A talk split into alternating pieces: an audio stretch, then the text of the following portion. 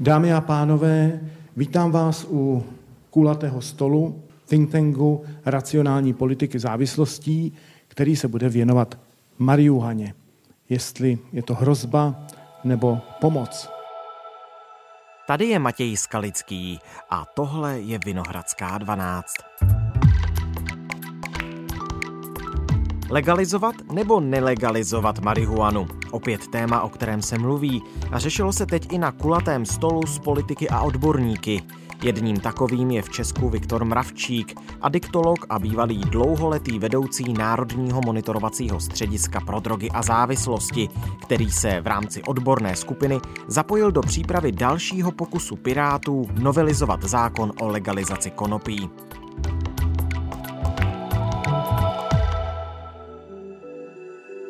Dnes je pátek 2. září. Dobrý den, vítejte ve Vinohradské 12. Dobrý den.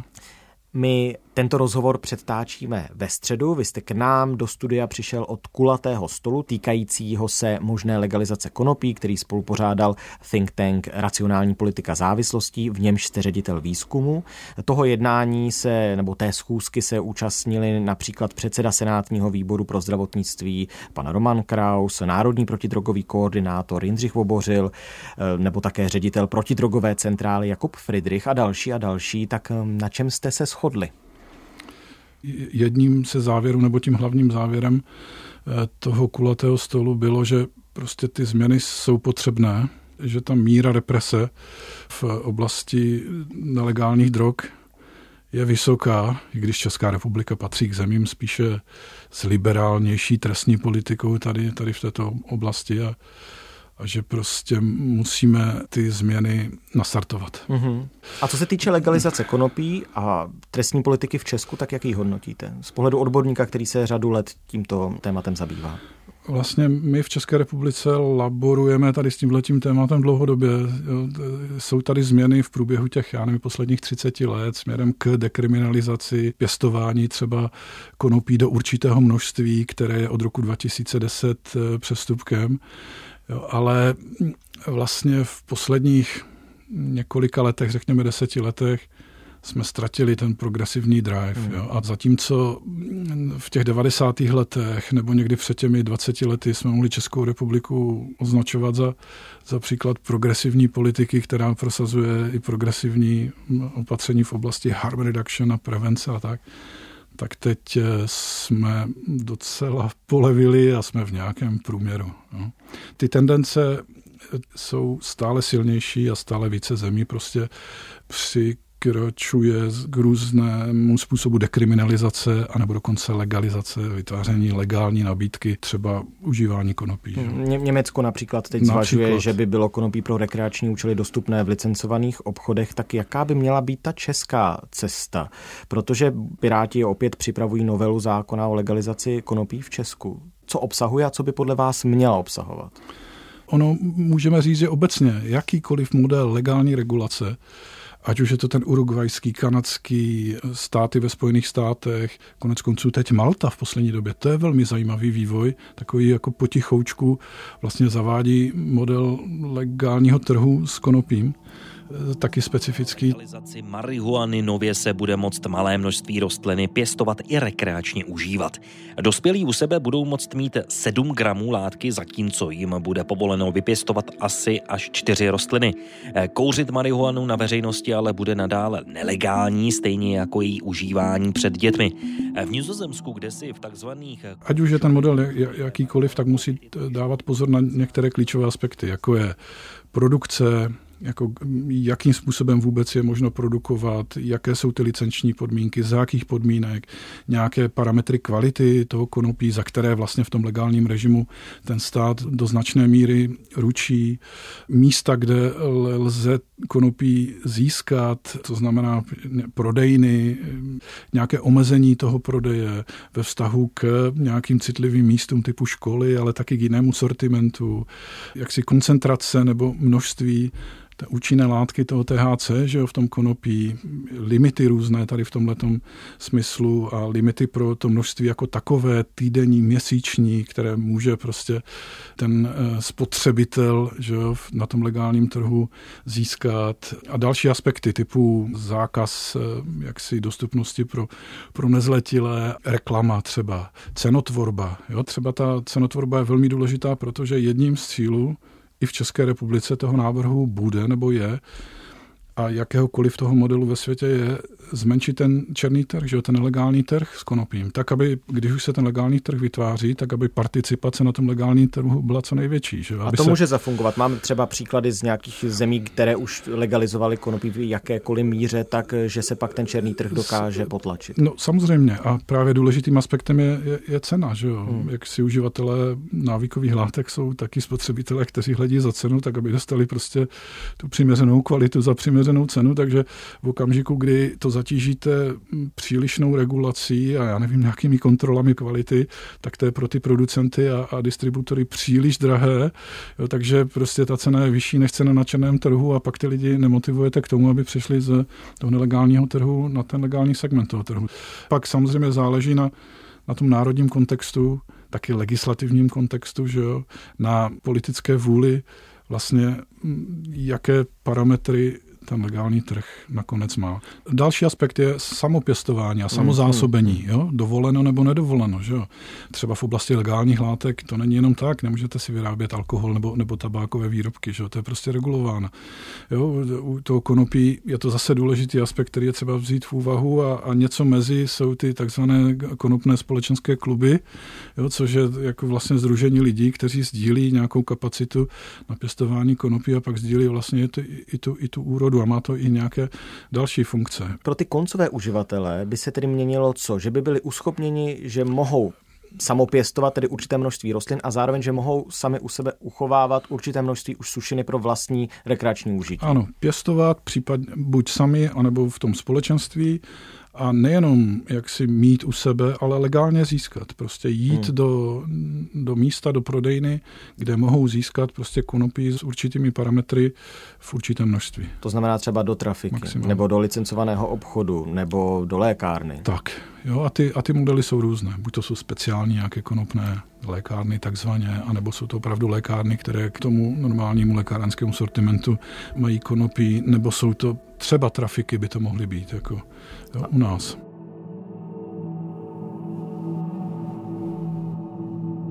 A vy jako dlouholetý adiktolog a někdejší šéf Národního monitorovacího střediska pro drogy a závislosti nemáte obavy ze stinných stránek jakékoliv regulace a legalizace eh, měkkých drog, do nichž tedy marihuana spadá? Samozřejmě, že jaksi přítomnost těch návykových látek ve společnosti a užívání návykových látek v populaci sebou nese ta rizika dopady. Jo. Týká se to těch legálních a týká se to i těch nelegálních. Konec konců to, že konopí a další prostě drogy jsou nelegální, neznamená, že, že jsou s nimi spojená rizika.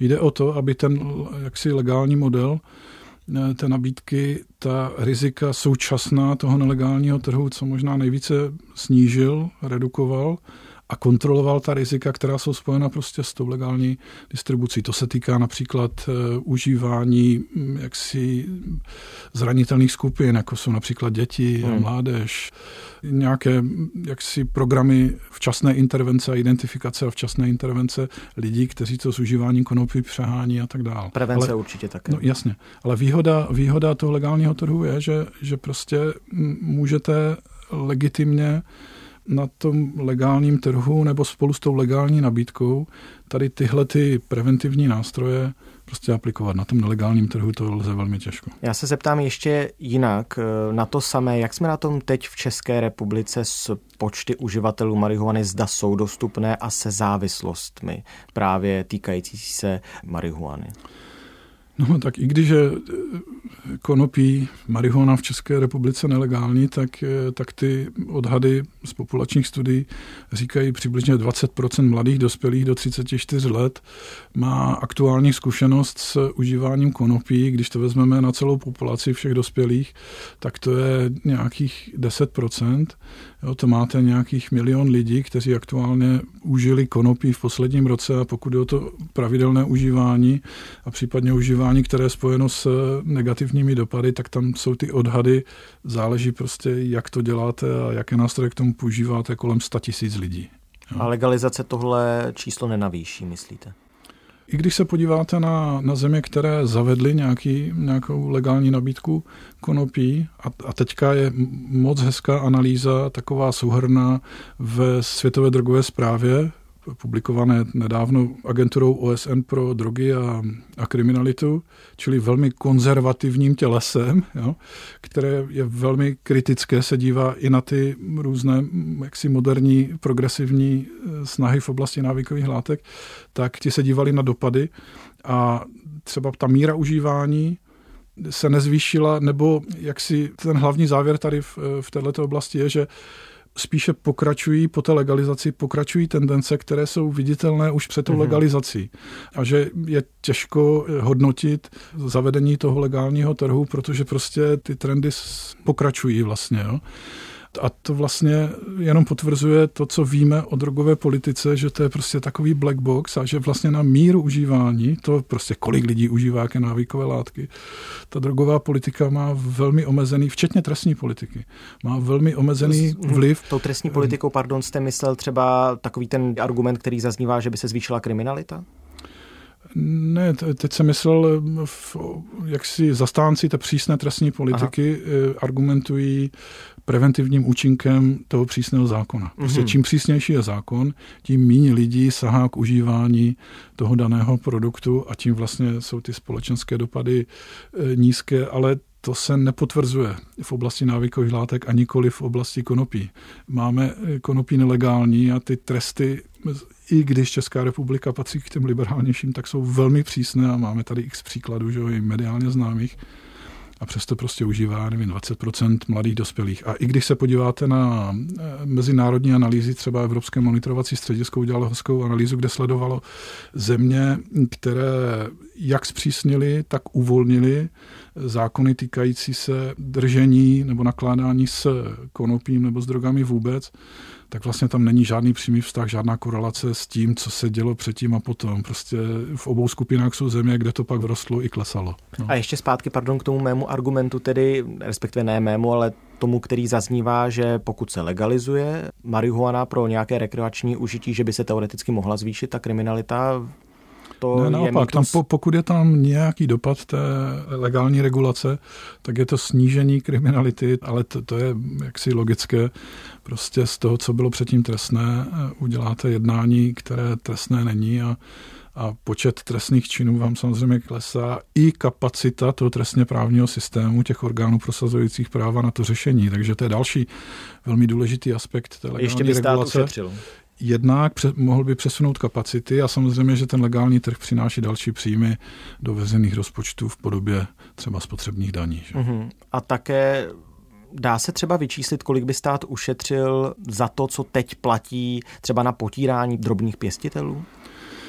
No tak když se podíváte na strukturu drogové kriminality v České republice, tak přibližně polovinu tvoří kriminalita nebo potírání kriminality jo, spojené s konopím a další polovinu spojené s pervitinem a ty ostatní eh, drogy se tam objevují opravdu v jednotkách procent. Takže v procentech můžeme říct, stát by ušetřil polovinu Samozřejmě, že na vymáhání práva i v oblasti toho legálního trhu taky musíte vynakládat prostředky. Ale zjednodušeně řečeno, ušetřil by polovinu toho, co vydává na potírání drogové kriminality vůbec. Že? To Kdyby jsou 100 miliony, miliardy? To jsou miliardy. V roce hmm. 2007 to bylo 7 miliard, 170% byly náklady právě vymáhání práva a půlka z toho máte jako konopí. Jo. Takže to jsou nějaké jednotky miliard, jo, které jdou na potírání kriminality spojené s konopím. Zjednodušujeme, ale prostě tak nějak to je.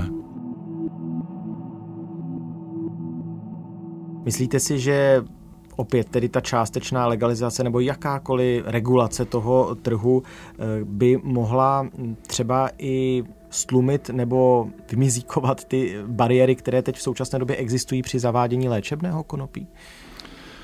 Samozřejmě, že to jsou spojená témata. Určitě by se předešlo a jak si zabránilo těm excesům té prohybice v podobě trestání lidí za samopěstování a samovýrobu, já nevím, konopných mastí například. Jo.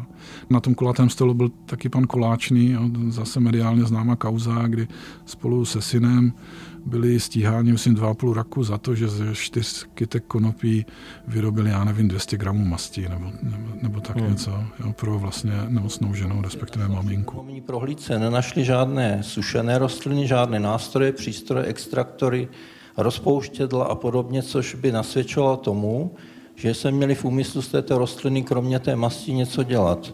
Takže obžalobě stačí se domnívat bez důkazů, že se měli takový úmysl podle obžaloby a v tom zákoně taky je na, stejný, na stejném řádku uvedeno konopí a, a heroin, kokain, pervitin, což jsou tvrdé drogy, které způsobují závislost a taky hodně nemocí, taky smrt a konopí je primárně léčivé. Velice pěkně mezi námi vítám i brigádního generála pana doktora Jakuba Friedricha, ředitele Národní protidrogové centrály. Dobrý den. Opravdu česká drogová realita, realita českých drogových nelegálních trhů a práce služby kriminální policie a vyšetřování na tomhle poli má opravdu těžiště v jiných věcech, než jsou pěstitelé čtyřech rostlin. A pokud tedy v tom finálním rozsudku, který zrušil všechny body obvinění ve vašem případě, bylo konstatováno, že zřejmě na začátku došlo k kvalifikačnímu pochybení, protože v případě čtyř rostlin se mělo uvažovat o přestupku, tak s tím se naprosto totožňuji. Nakonec to skončilo svobozujícím rozsudkem, ale prostě dva a půl roku trestního stíhání znamená na jedné straně obrovské náklady na to dokazování a na činnost eh, policie, státních zástupců soudů, jo, znalecké posudky, analýzy a tak dál. A na druhé straně vlastně sníženou kvalitu života té rodiny v délce dva a půl roku. Jo. Hmm. Zatímco pro policisty, státní zástupce, soudce je to práce, je to prostě další případ, který řeší a v, já nevím, v 16.30 padla, tak, eh, tak ti lidé obvinění z tohoto trestného činu a, a, a bránící se jako legálními prostředky na to vynakládají svoje peníze na obhájce. Um, jo, vlastně Já tomu rozumím, ale prožívají to dva a půl roku. něco dělají jasně, nelegálního, no, tak eh, jasně, v tomto jasně, systému jo, to asi ale, je ale, legitimní. Ale, ale je to legální, hmm. samozřejmě, ale otázka je právě legitimity s těmi přibývajícími důkazy a s tím, co uh-huh. víme, co funguje a nefunguje v, v regulaci návykových látek. Uh-huh. Jo? Že pokud bychom pokračovali a nezměnili to, tak ta trestní politika prostě se stane nelegitimní a, a nespravedlivou vlastně ve vztahu k společenské nebezpečnosti jiného jednání. Vlastně, ve vztahu k tomu, jak nakládáme s alkoholem, s tabákem. Když si to vezmete, tak za držení více než 10 gramů konopí, což je něco, co se vám vejde prostě do kapsy a pomalu to ani nevíte, že to máte, že jo, jo? tak mm, když to v hranici překročíte, už je to trestný čin, máte tam přitěžující okolnosti a hrozí vám prostě odnětí svobody v, v délce několika let, ale za držení alkoholu v množství mnoha litrů a mnoha set litrů, jo, které alkohol je mnohem toxičtější, mnohem nebezpečnější, je to karcinogen, je to teratogen a tak dále a tak dále tak to můžete mít plný sklep prostě jakéhokoliv alkoholu. A jo. Takže najednou, když to postavíte jak, jak si do stejného kontextu, tak, tak zjistíte, že něco je špatně. Máte pocit, že česká společnost je na ať už jakoukoliv progresivnější cestu připravená? Protože v minulosti tahle debata, kterou tu teď spolu vedeme, se opakovala několikrát. Tak jsme teď už tak daleko, že bychom mohli reálně skutečně uvažovat o nějaké změně? Myslím, že česká společnost je na to také připravená. Hmm. Prostě po těch 20-30 letech už v mém věku jsou lidi, kteří prostě zažili ty devadesátky a mají i osobní zkušenosti s užíváním nelegálních látek, eh, včetně konopí, takže to prostě není takový strašák jako pro tu skupinu těch lidí v produktivním věku, kteří seděli na těch rozhodovacích místech a jaksi na těch politických pozicích před těmi 20-30 lety, že i v tomto ohledu se ta společnost změnila a navíc se mění svět, Jo, tak eh, vidíme, že legalizovala Kanada.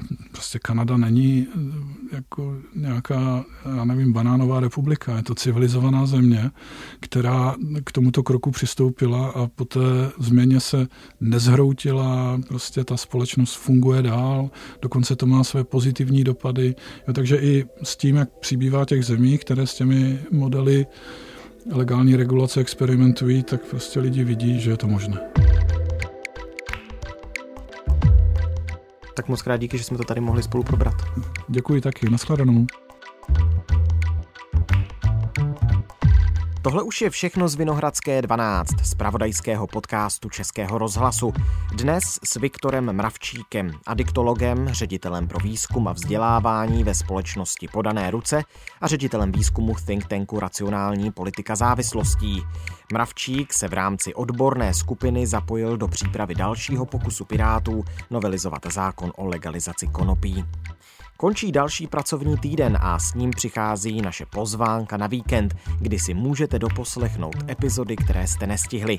Zaměřili jsme se na českou drahotu, na testy DNA, zjišťovali jsme, zda Evropě hrozí jaderná katastrofa kvůli ostřelování záporožské jaderné elektrárny, mluvili jsme o výhrách a prohrách Michaila Sergejeviče Gorbačova a taky nás zajímal konec šéfa civilní rozvědky. Po víkendu se opět vrátíme k aktuálnímu dění doma i v zahraničí. Naslyšenou v pondělí.